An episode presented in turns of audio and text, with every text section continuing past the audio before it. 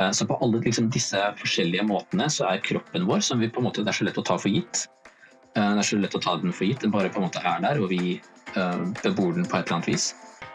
Men den snakker til oss som et tegn. Den snakker til oss som et meningsfullt tegn. Og det er noe som setter begrensninger for og betingelser for vår frihet. Dagens episode av Sendepodden så har vi en litt eh, annen intro, for jeg har med meg Arne Olav Røe, som er redaktør i sennep.net. Hei, Arne Olav. Hei, hei. Eh, og vi skal ha en liten intro, for denne gangen så snakker vi om kroppens teologi i Sendepodden.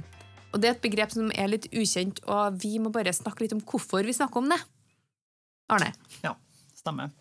Det høres jo litt akademisk ut med kroppens teologi. så men uh, grunnen til at vi setter opp det, er rett og slett at det, det utforsker et tema som vi møter veldig mye. Spørsmål rundt uh, kjønn, seksualitet, identitet. Uh, Pride aktualiserer det her spesielt i juni måned. og og der eh, vil jeg jo si at vi som kristne og tror på Bibelen ofte famler litt når vi kommer i samtaler og, og prate med folk. Jeg har i hvert fall uh, følt litt på det sjøl.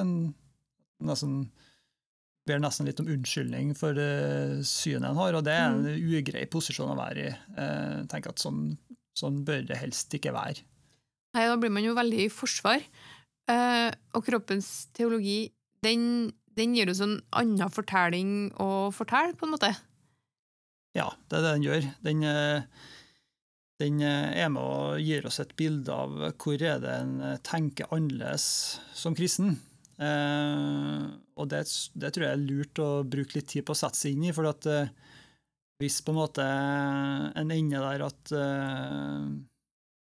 mistank, mistanken om at, at, vi er redd for homofile, vi syns det er skummelt eller ekkelt eller, eller ja, alt mulig, at vi tror det handler om dem, det, da er vi egentlig litt på, på feil spor, vil jeg si. Ja. Eh, tenker at eh, vi må være enige først da, om at eh, først og fremst så tenker vi på alle mennesker som mennesker. Vi har veldig mye som vi har felles. Vi kan få oss venner med bry oss om folk som tenker, tenker annerledes enn oss. Mm. Det, det, er helt grunnleggende i kristendommen, tenker jeg. Eh, og så Hvis eh, spørsmålene kommer opp rundt hvorfor, hvorfor tenker vi som vi gjør, så må vi være i stand til å, å være trygge nok på det vi står for, sånn at vi ikke blir redd for at spørsmålene kommer opp. Mm, det er nettopp det. Og her kan kroppens teologi eh, hjelpe oss litt. Ja, det er akkurat det. Og kroppens teologi som kort fortalt, det handler om at en, en tar utgangspunkt i spesielt den teksten i første Mosebok. At Gud skapte oss i sitt bilde til mann og kvinne, skapte han oss som er en kort formulering, men som egentlig rommer en, en veldig stor fortelling og en, et syn på hva et menneske er, og hva det er skapt for. Det har en hensikt og en mening som på en måte ligger der eh, før vi sjøl egentlig begynner å, å lete inni oss sjøl etter hvem vi er. og så det er, en, en, det er en, annen plass å starte da, rundt hvor antar jeg identiteten min hen. Mm. Eh, og der har katolikkene vært eh, et foregangsmiljø, spesielt med pave Johannes Paul i spissen, som, som, har eh, utbrodert det temaet på en måte som flere og flere begynner å oppdage nå. Og hvis du er interessert i mer stoff om kroppens teologi, så sjekk ut Hva er kroppens teologi, en tekst som ligger på sennep.nett. Hør også podkasten Kropp av Erik Andreassen, og ei bok som forklarer kroppens teologi på en enkel måte. Det er Elsk og gjør det du vil av ei som heter søster Sofie Hamring. Og med det så ønsker jeg dere en god lytt på dagens podkast.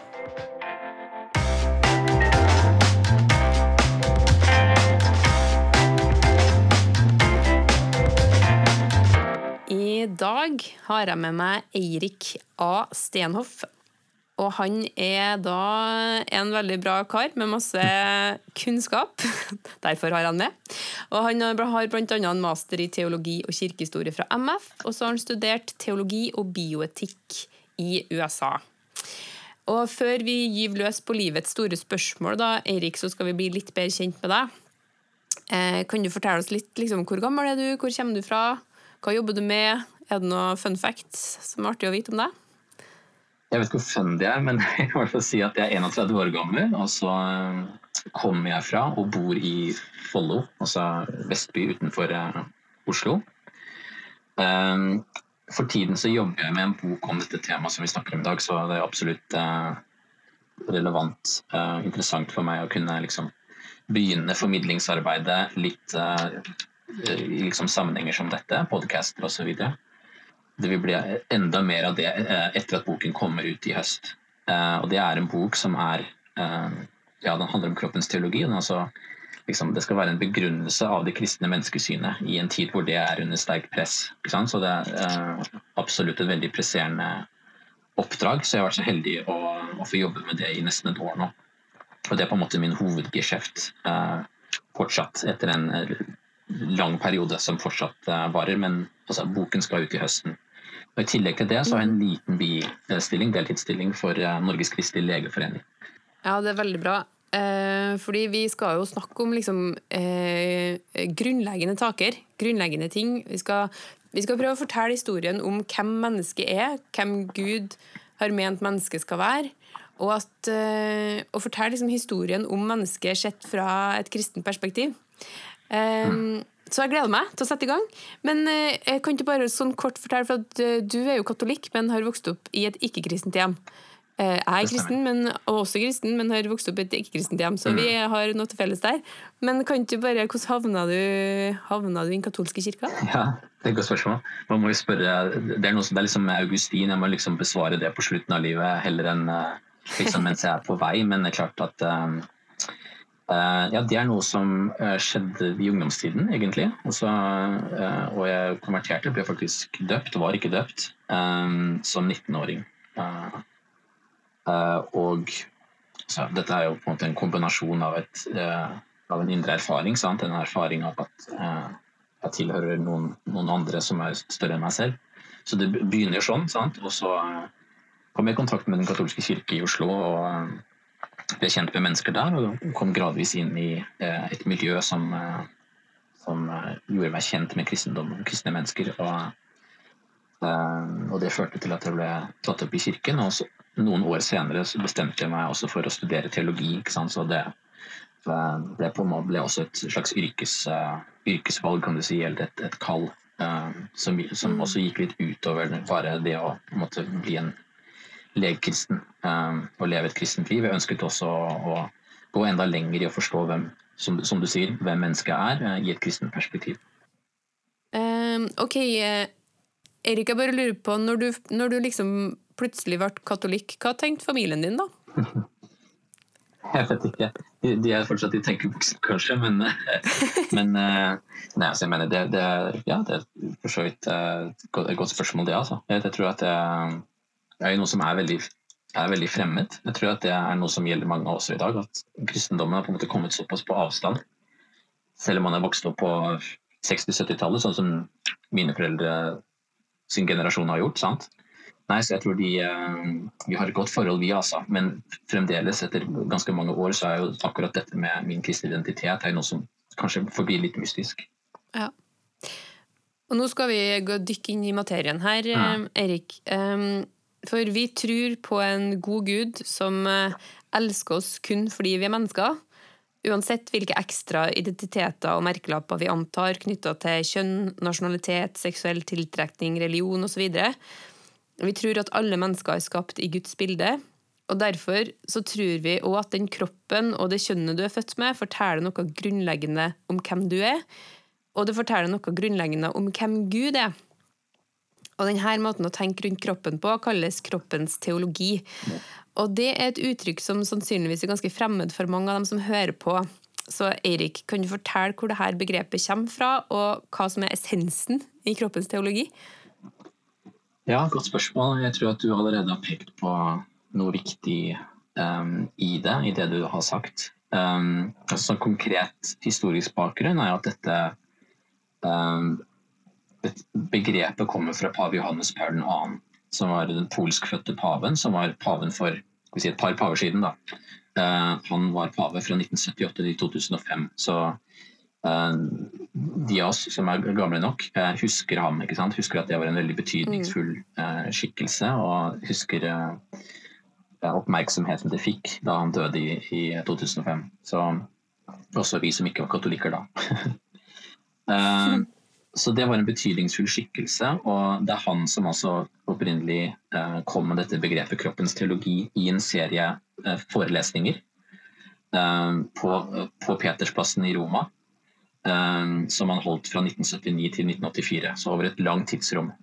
Si, kroppens teologi er på en måte både et svar på en konkret kulturell situasjon, han skrev dette her på slutten av 70-tallet og presenterte det som sagt fra 79 til 84. Uh, og dette er sånn ca. ti år etter at den seksuelle revolusjonen, som vi kaller det, uh, slo igjennom i, i, Vesten. og den seksuelle revolusjonen betyr liksom, det betyr en omveltning. En revolusjon betyr at noe veltes om i samfunnet. og omveltningen gikk nettopp på seksualitet, på forståelsen vår av kjønn familie, og egentlig seksualitetens rammer naturlige og kulturelt gitte rammer. Um, og Den seksuelle revolusjonen handlet om ønsket om en frigjøring fra de rammene, som selvfølgelig i vestlig sammenheng er nært knyttet til den kristne uh, læren om mennesket. Og den kristne mm. um, tanken om ekteskapet og familien osv. Uh, så, så dette er på en måte et indirekte anliggende i dette verket her. Uh, men kulturkritikken er ikke så veldig tydelig, så det er mest indirekte, som sagt. Eh, det han i stedet gjør altså Han driver ikke apologetikk, han driver ikke trosforsvar, på en måte. Han driver ikke kulturkritikk, sånn veldig eksplisitt, i hvert fall. Det gjør han i noen andre sammenhenger.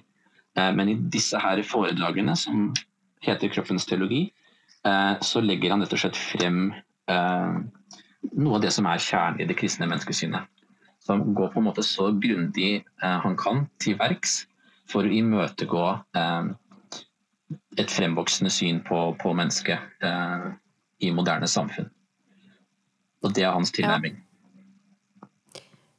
Fordi synet på mennesket i vårt samfunn det, Hvis vi skal kort oppsummere det, så handler det jo mye om at eh, den største guden i vår kultur er jo egentlig friheten til å velge.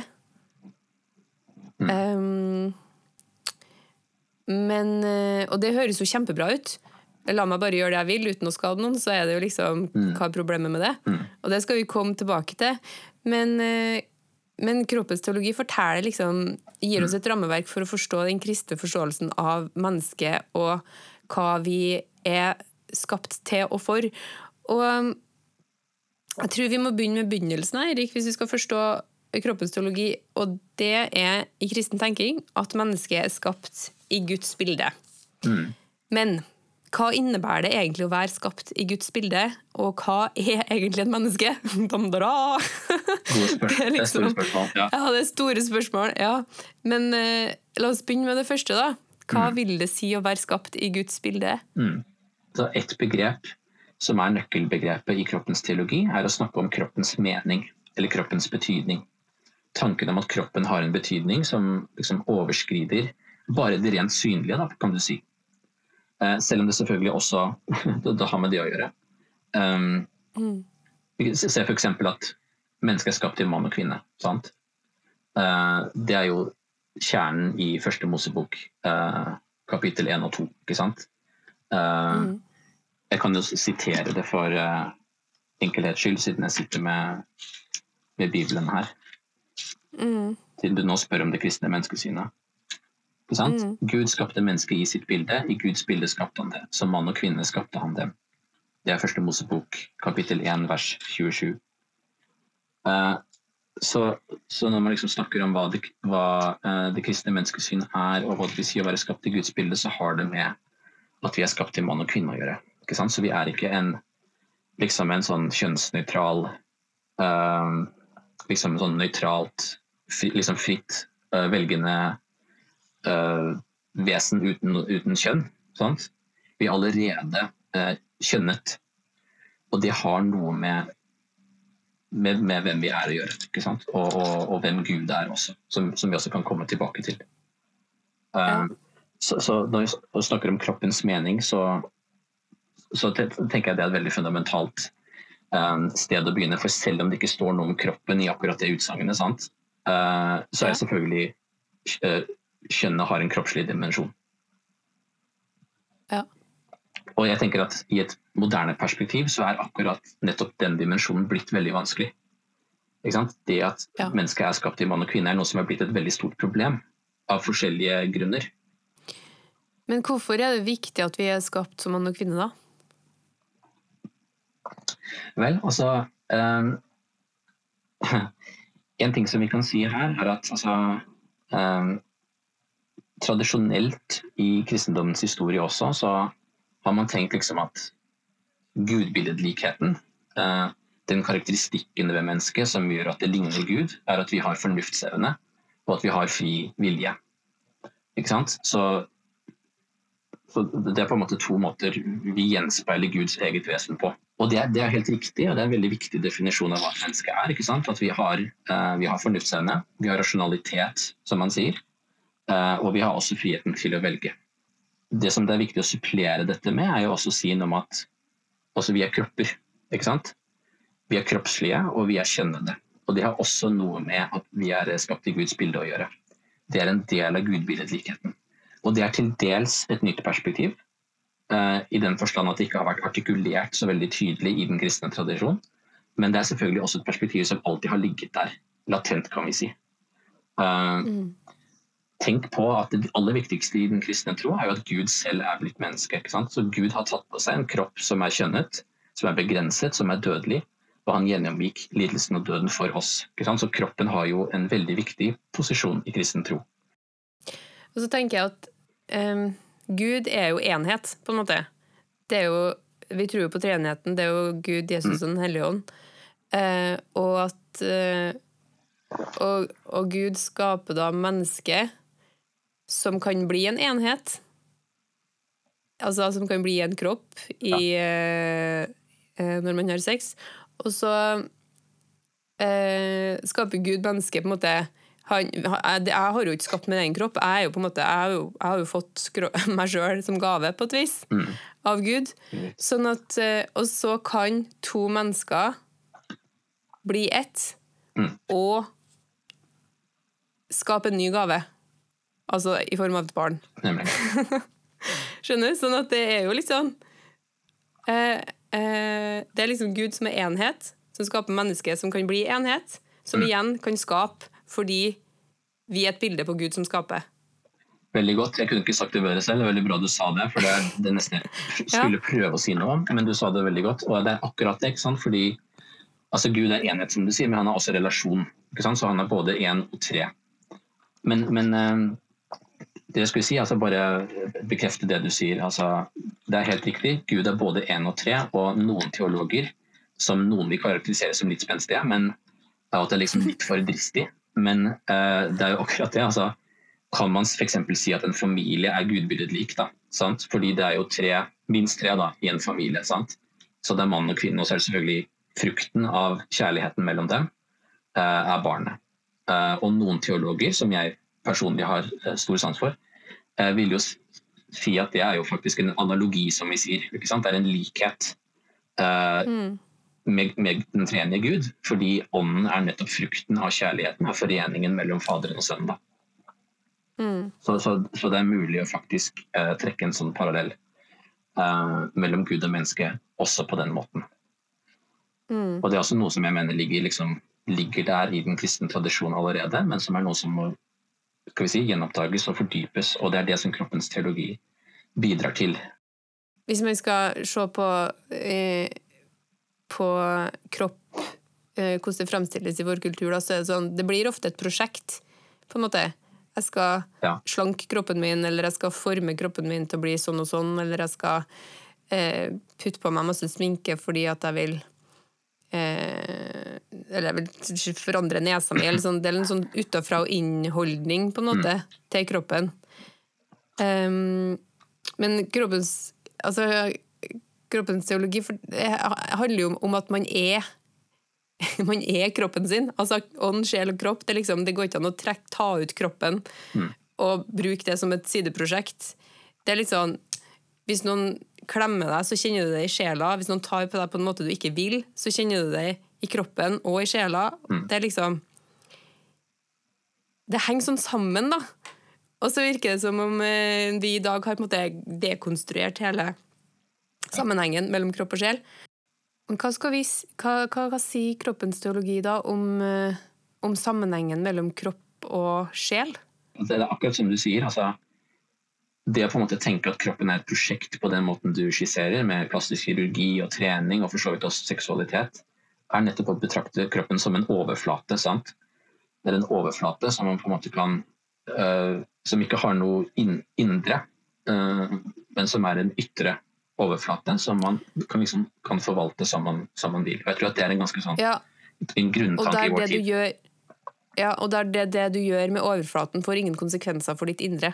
Mm. Mennesket er, som du sa i sted, kropp, sjel og ånd. Eller kropp og sjel. Ikke sant? Og at eh, de to tingene hører nært sammen. Ikke sant? Så vi er en, vi er en kroppsliggjort ånd. Ikke sant? Ja. Um, er et begrep som brukes i den kristne tradisjonen. Og det, er, det betyr ikke at de er skilt fra hverandre, men det betyr nettopp at ånd og kropp uh, henger nært sammen, og at altså, kroppen kommuniserer hvem vi er. Kroppen kommuniserer den åndelige, den åndelige realiteten som, som vi er. Og Paulus snakker jo om at kroppen er Den hellige ånds tempel. Og da er det jo nettopp en sånn forståelse som, som ligger til grunn. Det at jeg er mann, eller at du er kvinne, og at vi alle er menn eller kvinner, okay, det, er, det er selvfølgelig noe som er uttrykt gjennom den biologiske kroppen vår, men jeg tror det er også viktig å tenke at det faktisk er en åndelig realitet også. At det er en åndelig realitet som uttrykkes gjennom kroppen. Det er viktig å si at uh, vi, er, ok, vi er kropp, men det er nettopp et bilde. Ikke sant? Kroppen er nettopp et bilde på en usynlig realitet. Det er derfor vi snakker om Guds bilde. Ja, ja. Ikke sant? For det er bildet, bildet er ikke alt, men det peker på noe annet enn en, en seg selv. Ja. Og hva er en kropp uten en sjel, på en måte? Det er jo, da er man jo død. Da er man død, ikke sant? Ja. Ja, for at det, Mm. det står jo i første Mosebok at, liksom, at Gud blåste sin livspust inn i mennesket. Ja. Jeg tenker på det som sjelen. Da, på en måte, at det er liksom Ja. det ånden, sjelen det, Og før det så var det bare en kropp som ikke levde. Ja. Og jeg tenker også Innenfor rammen av den fortellingen så er det viktig at liksom, de to tingene uh, er på en måte to sider av samme prosess. da. Ikke Ja. sant? Uh, slik at man ikke tenker at det først var en kropp som ikke hadde noen uh, betydning. Noen kirkefedre mente jo faktisk det. De tenker at først var det på en måte en sånn kjønnsnøytral kropp, og så kom på en måte forskjellen mellom mann og kvinne inn som en sånn eh, etterpåklok tanke eller noe sånt. Men det er veldig viktig tenker jeg, å si at på en måte den intensjonen var i Guds sinn allerede fra, fra før han skapte. Ja. Eh, At, at, dette, at vi skal være skapt til mann og kvinne, virkelig er noe grunnleggende for mennesket. Og det var i Guds Ja. tanke uh, helt fra opphavet. Ja.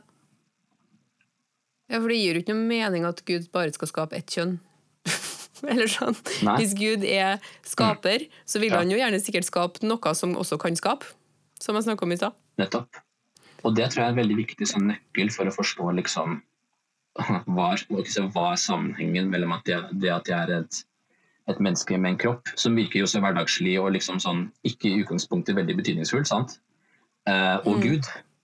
Så hva, hva, hva er egentlig sammenhengen mellom meg og Gud, da? for å Mm. si det på en annen måte. Eh, og det, det, det er veldig viktig å si at altså, uh, det at jeg er skapt til mann og kvinne, som jeg sa litt om i sted, det er nettopp uh, et tegn på at jeg er skapt for Gud. Den uendelige forskjellen mellom meg og Gud gjenspeiles i kjønnsforskjellen mellom mann og kvinne.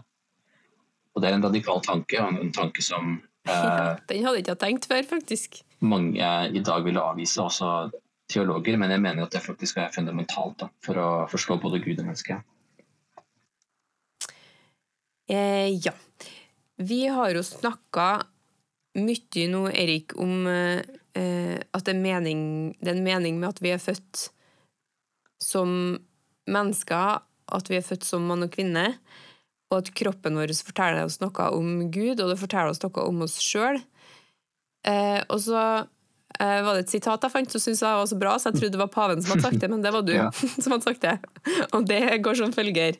Um, kroppen har en mening som går forut, som, forut for min Mm. frihet, som jeg ikke kan utviske, og som er veien til frihet. Det er jo et veldig tettpakka sitat. Bare det at kroppen har en mening som går forut for min frihet. Hva, hva betyr det? Ja, det, det var eh, noe jeg sa i en annen podkast. Husker ikke helt at jeg har sagt det, men jeg bruker i hvert fall begrepet 'forut for frihet' i, eh, i boken min. Da. Og jeg tenker litt sånn, altså Det er jo en slags oppsummering av dette begrepet 'kroppens mening' da, eh, i kroppens teologi. Det at kroppen har en mening, og kroppen har det som Johannes Paul 2. kaller for en ekteskapelig mening. Ikke sant? Så kroppen er et, et tegn på, et bilde på, at vi er skapt for en kjærlighetsforening. Så Det er selvfølgelig uttrykt sånn menneskelig sett mellom ekteskap mellom mann og kvinne, men det, men det er også et, et dypere ekteskap der. Dette er jo egentlig også, Vi snakker om lammets bryllup, ikke sant? og bryllupsmetaforikken i, i GT og NT eh, peker nettopp på det. ikke sant? Så vår eh, ekteskapelige relasjon til Kristus. ikke sant? Eh, han kalles jo brudgommen. Eh, Kristus er brudgommen. ikke sant? Snakker om seg selv indirekte i Mm. um, lignelsen, ikke sant, om brudgommen som kommer, osv. Så, uh, så det igjen er det den mer liksom, grunnleggende relasjonen, uh, kan vi si. Uh, at Kristus elsker oss og vil inngå i en kjærlighetsrelasjon til oss. Og det er gjenspeilet i kroppen vår, og det er det som på en måte er det neste steget som paven tar, da, kan du si, og knytter de to tingene sammen. Kroppen har en ekteskapelig mening. Uh, og det forutsetter at man Ok, man, eh, kroppen er ikke en sånn nøytral eh, overflate, liksom. Den er ikke bare en overflate, som vi også snakket litt om. Eh, den er allerede investert med en mening Mm. eh, som går forut for alle de valgene som jeg tar. For den ligger jo allerede der. Og vi kan konstruere en hel ideologi og et tankesett og ha sant, seksuell frigjøring og alt det som vi har hatt i løpet av de siste 100 årene, 50-100 årene. Eh, Men vi kommer likevel ikke utenom den mer grunnleggende betingelsen. Vi kan på en måte fornekte den så mye vi vil, eh, men vi kommer ikke utenom at vi er skapt til mann og kvinne. Eh, Og ikke bare det, altså vi er også skapt dødelige. Vi bare tenker på det, ikke sant? Og kroppen vår er jo et, et, et dødelig legeme. Ikke sant? Og det i seg selv Mm. er jo et, er jo et slags tegn på at vi Ok, vi er begrenset, det er det ene det, sier noe om. Eh, det, det sier noe om at vi er skapt til relasjoner, for vi ville jo ikke overlevd eh, som spedbarn, kan du si. Eh, eller de første flere årene av vår eksistens uten omsorg, uten kjærlighet. Og igjen så kan man tenke på det som et bilde på kjærligheten som Gud har til oss. Vi er en skapning, og vi er avhengig av Guds omsorg. helt fra begynnelsen av våre liv. Eh, Så på alle liksom, disse forskjellige måtene så er kroppen vår, som vi på en måte, det er så lett å ta for gitt, eh, det er så lett å ta den for gitt, den bare på en måte er der, og vi eh, bebor den på et eller annet vis. Men den snakker til oss som et tegn. Den snakker til oss som et meningsfullt tegn.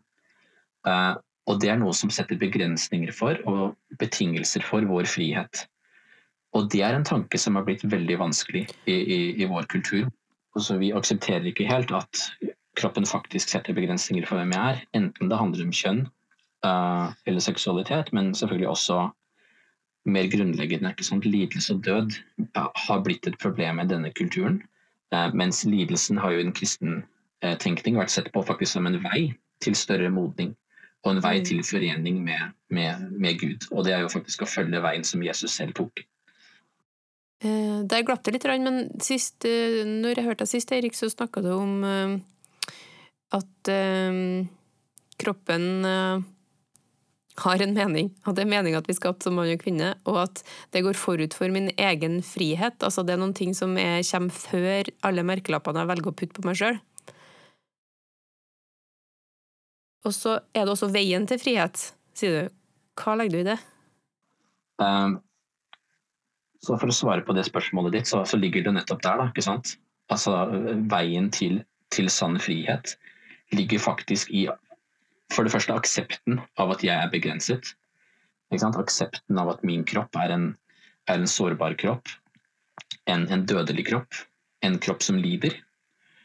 Uh, det er en kjønnet kropp, og, og, og, kjønn er jo også en begrensning. Det er interessant å tenke på at kjønnet mitt betyr at jeg ikke er en kvinne. ikke sant? Ja. Kjønnet, kjønnet, mitt bestemmer jo meg på en eller annen måte som kanskje jeg føler at jeg ikke vil. Og det er mange som føler. Sant? Mm. Og det er ikke noe sånn at homofili og kjønnsidentitet og sånn, at det er liksom helt nye tema i løpet av de siste 20 årene eller noe sånt. Eh, det er jo noe som selvfølgelig har ligget der i menneskets erfaring, kan du si, fra, skal vi si, fra syndefallet, da, sånn teologisk sett. Men det har jo ligget der gjennom kulturhistorien i ulike former. Veien til helhet og veien til uh, sann frihet, tenker jeg, uh, er ikke nødvendigvis en sånn enkel vei. Det er ikke en snarvei. Jesus snakker om den smale vei. Han snakker ikke om den brede og komfortable vei. Uh, og jeg tenker at det er virkelig det er noe utfordrende ved det. sant? og det er jo noe som selvfølgelig også går på de temaene her. Altså mm. det faktum at vi er sårbare, vi lider, vi skal dø. Og også at vi har vanskeligheter knyttet til vår seksuelle og kjønnsidentitet. Um, mange har det også, som ikke identifiserer seg på den ene eller andre måte. De har jo likevel mange konfliktfylte og vanskelige følelser knyttet til sitt ekteskap, eh, sin familiesituasjon, hva det måtte være. Det er vår betingelse som skapninger og som falne.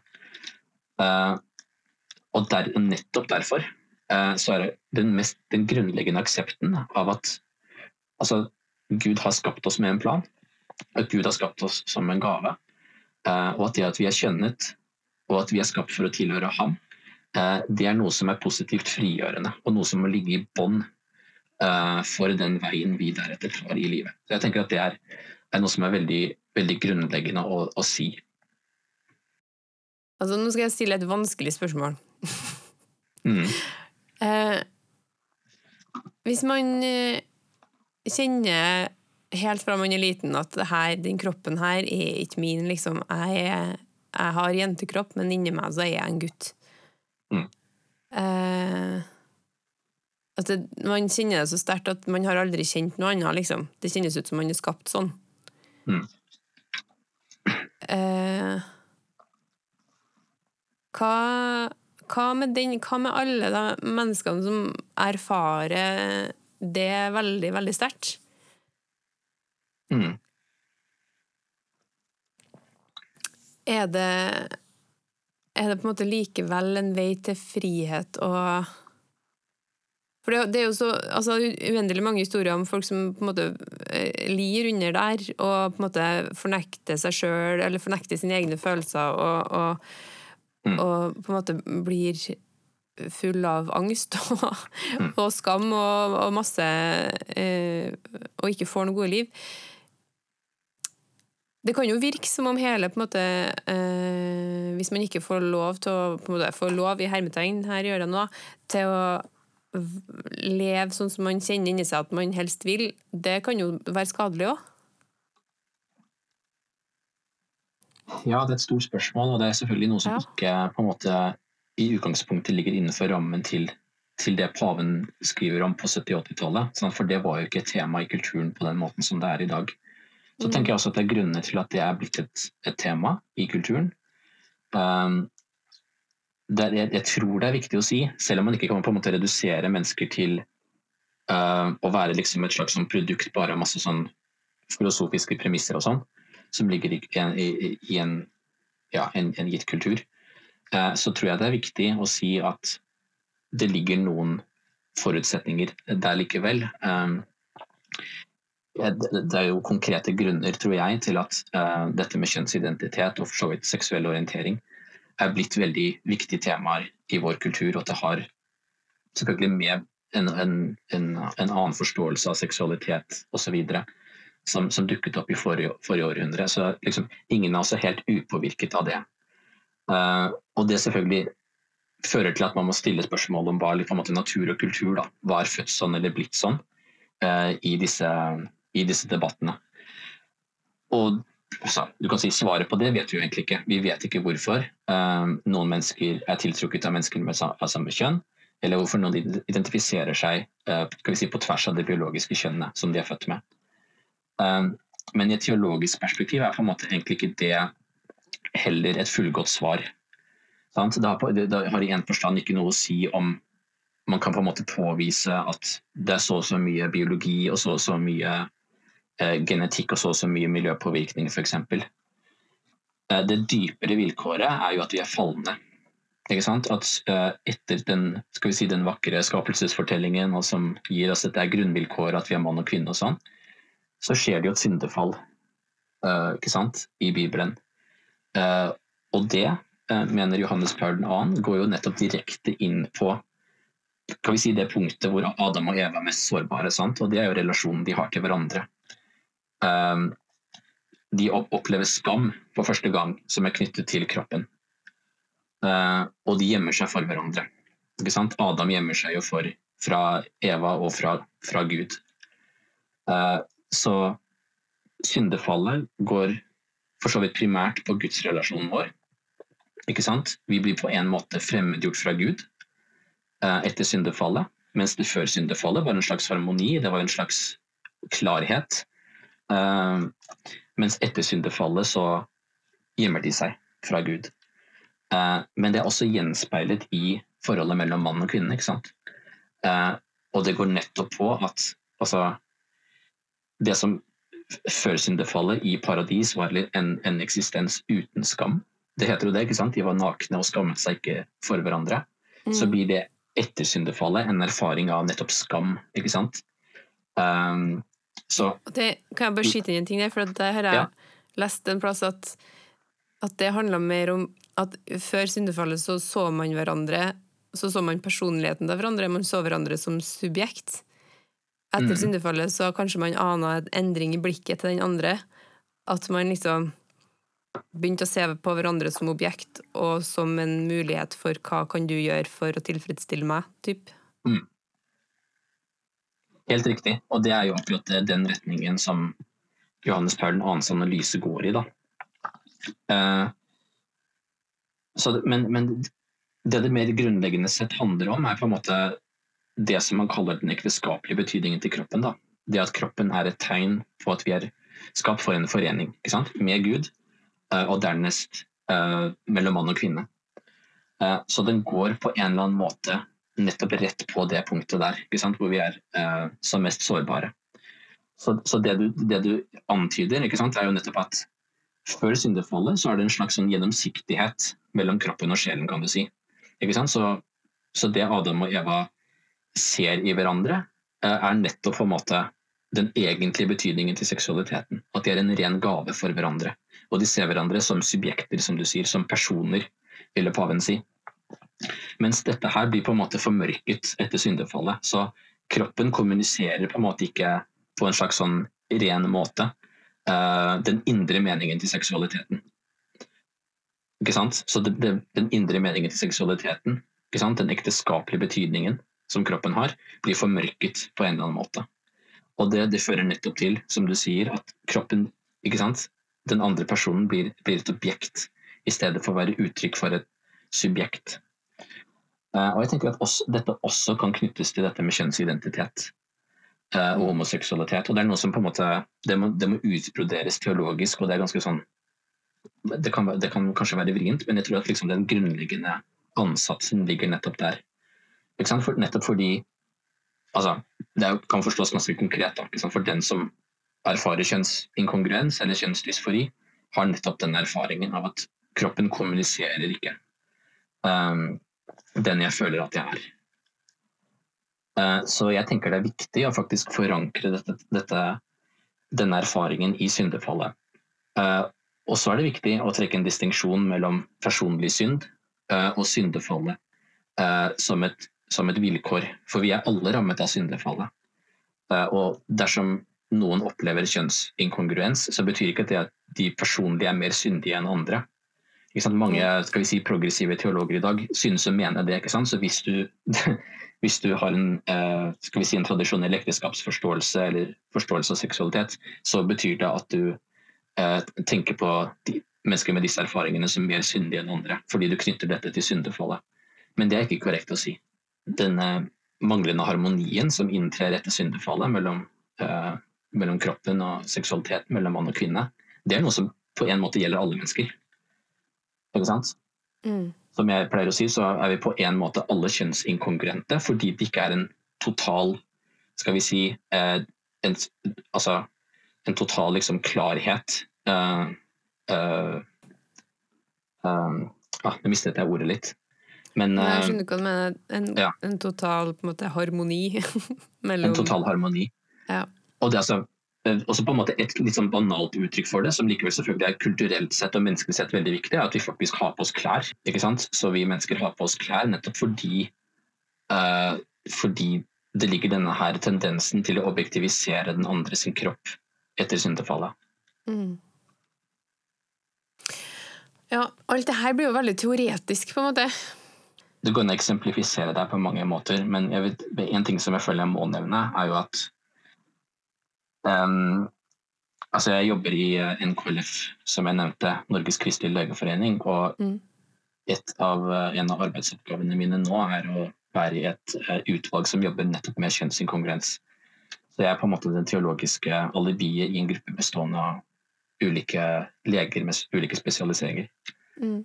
Og det er veldig fruktbart, for da, kommer, da får vi på en måte både snakket om den empiriske virkeligheten og den kliniske hverdagen, men også de teologiske perspektivene. Eh, og I den forbindelse så gjorde jeg et intervju i avisen Dagen, hvor jeg kommenterte en, eh, en persons fortelling.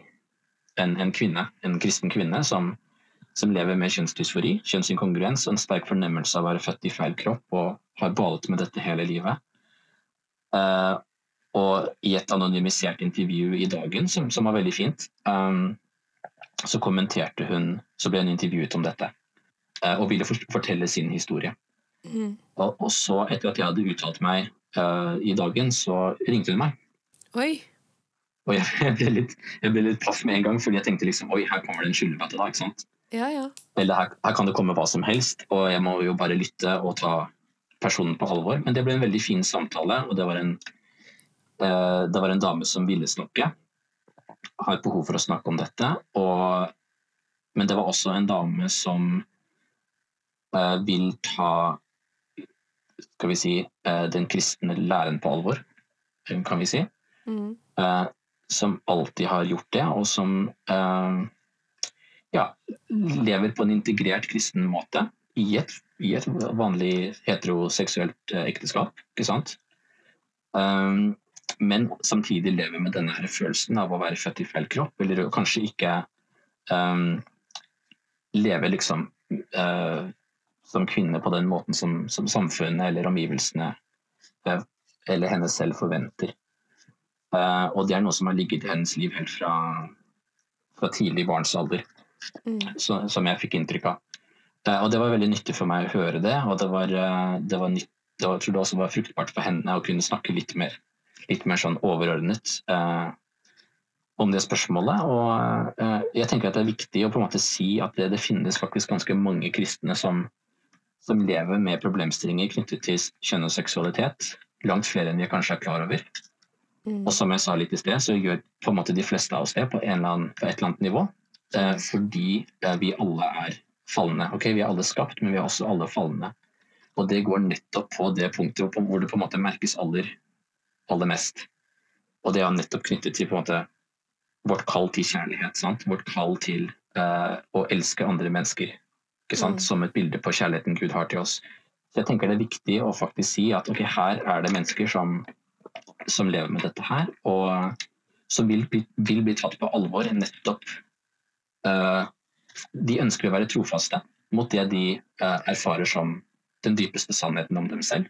Mm. Altså Gud har ikke skapt eh, mennesker til å være kjønnsdysfore eller eh, til å ha det vanskelig. Han har skapt mennesker til helhet. Eh, og dette begrepet helhet er nettopp er veldig viktig i en kristen sammenheng. ikke sant? Eh, det er en helhet som vi alle er skapt til, men som vi dessverre ikke nødvendigvis erfarer eh, mens vi lever. Mm. Men det er et kall som går til alle mennesker. Jeg tror vi må avslutte der, Erik. Eh, tusen takk for at du eh, var med i Sendepodden. Og det her er jo brennbart materiale, så det er lov å komme med tilbakemeldinger for deg som hører på, og reaksjoner. Vi tar imot alt med stor takk. Mm. Tusen takk for at du var med oss. Takk for at du hørte på Sendepodden. Mer spennende stoff finner du på sennep.net, og du kan også følge oss på Facebook og Instagram.